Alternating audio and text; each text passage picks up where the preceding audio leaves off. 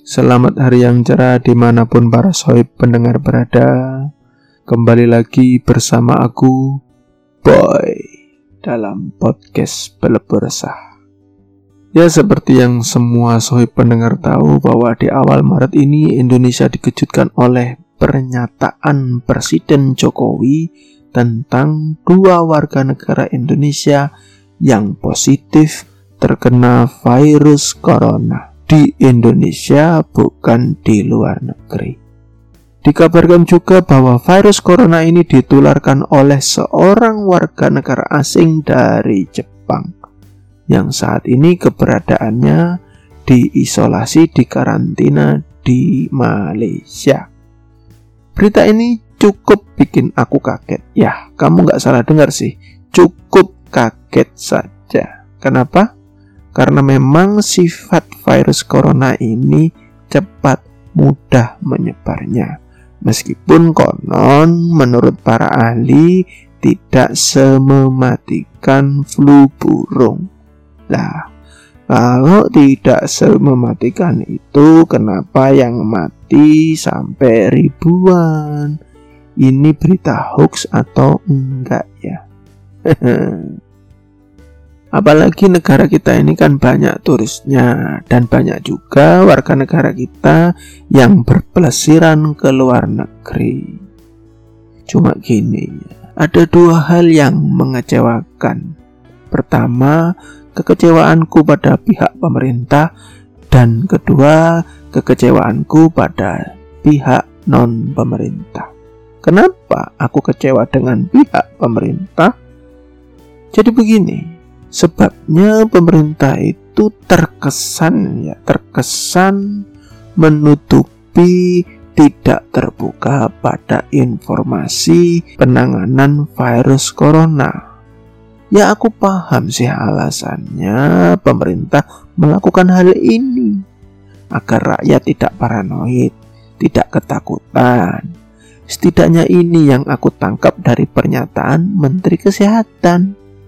Tapi kalau informasi penanganan virus corona disampaikan pemerintah dengan komunikasi kebijakan yang baik, kan bisa mereda atau bahkan menghapus berita hoax virus corona.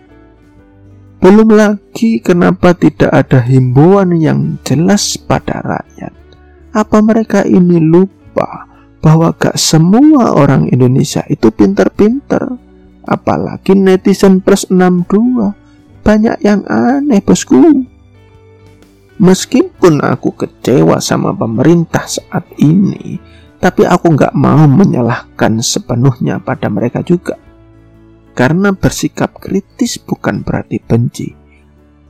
Apalagi kasihan rakyat. Moga-moga Semoga mereka nggak paranoid menghadapi virus corona.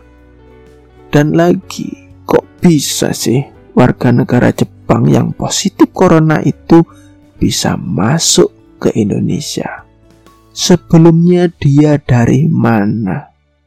As human sebagai manusia biasa, coba kita lihat dari berbagai sisi. Karena masalah sebesar apa pun, semencekam apa pun bisa dihadapi dengan ketenangan berpikir akal sehat. Lagian, jangankan Indonesia, organisasi WHO saja yang kelas dunia itu nggak segera tanggap menyikapi virus corona. Apalagi awalnya pemerintahan Cina justru menganggap ini adalah berita hoax. Bahkan sempat tertutup tidak membagi informasi tentang virus corona sehingga virus corona menyebar luas nggak terkendali ke seluruh dunia. Terus kita ini dengan mudahnya tersulut emosi mau saja diadu domba pihak asing.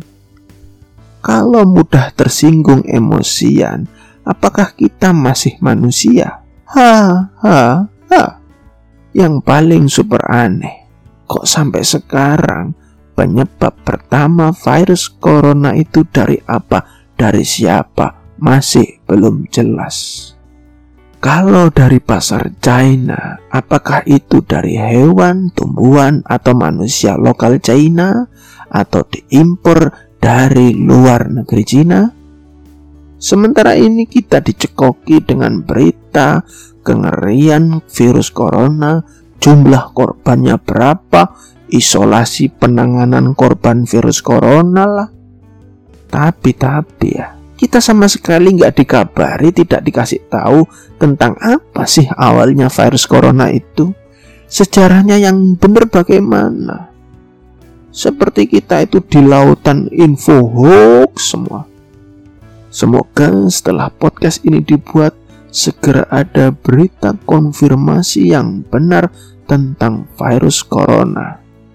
Lagian semenjak pengumuman dua WNI yang positif corona itu mendadak ada pemberitaan bahwa bagi tamu istana presiden dilakukan pemeriksaan suhu badan. Jadinya kan pemerintahan saat ini terkesan nggak begitu serius, terkesan kurang tanggap, terkesan tidak gercep menanggapi penyebaran virus corona ini. Nah yang bikin aku rada kesel agak banget itu gara-gara ada beberapa oknum yang belanja memborong banyak sembako. Sampai-sampai ada beberapa tempat pertokoan yang kekurangan sembako. Kan kasihan mereka yang sobat miskin. Jadinya kehabisan sembako. Terus bagaimana nasib mereka? Apalagi mereka yang membuat harga masker melambung semakin tinggi. Itu memang kehabisan stok atau memang sedang cari untung di atas penderitaan orang lain. Ya memang sih, para aparat itu udah menangani. Tapi info-info di lapangan kok masih ada ya masker berharga mahal. Semoga saja harga masker segera stabil karena itu penting banget untuk menjaga kesehatan. Yang lebih edan lagi, yang bikin aku agak mual-mual dengar beritanya itu saat ada beberapa produsen mobil di dunia yang manfaatin momen virus corona.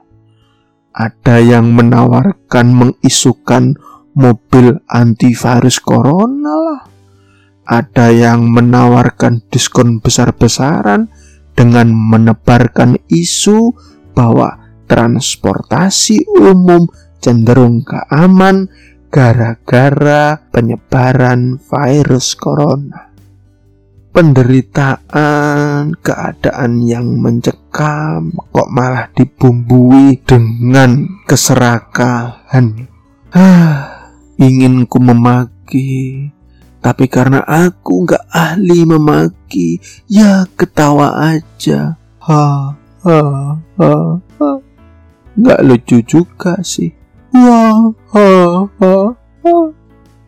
Tapi, tapi ya, virus corona ini telah melahirkan budaya baru, yaitu cara bersalaman yang jadi berubah. Salah satunya fenomena Wuhan Shake atau salaman ala Wuhan. Kita tahu kalau Wuhan itu nama kota pertama tragedi corona. Nah, berita ini dilansir oleh Fox News yang mengabarkan bahwa penduduk Cina saat ini menggunakan cara saling menyentuhkan kaki-kaki mereka untuk mengganti salaman untuk saling menyapa. Ya, nggak tahu juga sih ini berita hoax atau beneran. Apakah warga Tiongkok mualaf atau menjadi syar'i mungkin? Kita tertawa di tengah tragedi. Bolehkah kita bercanda di tengah tragedi?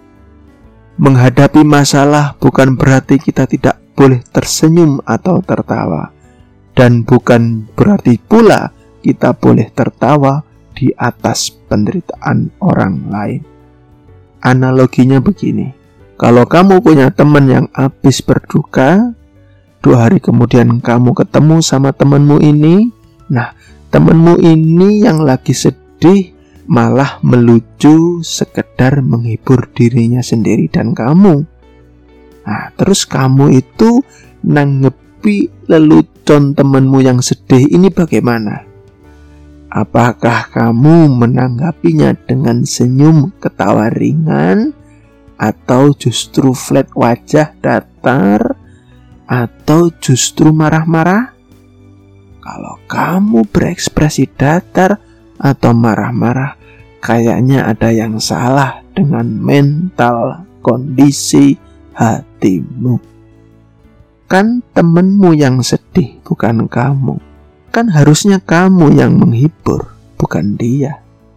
Menghibur orang sedih itu bukan menyuruh mereka tenggelam kembali dalam kesedihan, tapi ajak bangkit dari kepedihan hidup mereka. Oh iya, ada satu lagi isu yang bikin aku geli banget gimana gitu. Dengan tingkah beberapa tokoh politik yang menggunakan virus corona ini dengan maksud nikung cinta politik. Hmm, makin lama mirip kisah drama pelakor saja atau mirip kisah horor. Hehehe mau merebut hati rakyat agar bisa maju Pilpres 2020, Bung. Dan terakhir, sebagai penutup potes kali ini, aku ingin mengingatkan dan menyemangati diriku sendiri serta teman-teman semua. Olahraga, olah jiwa selalu. Jaga kesehatan, jiwa sehat, raga kuat. Jangan sampai kecapean atau kondisi semakin drop asupan makan minum yang sehat.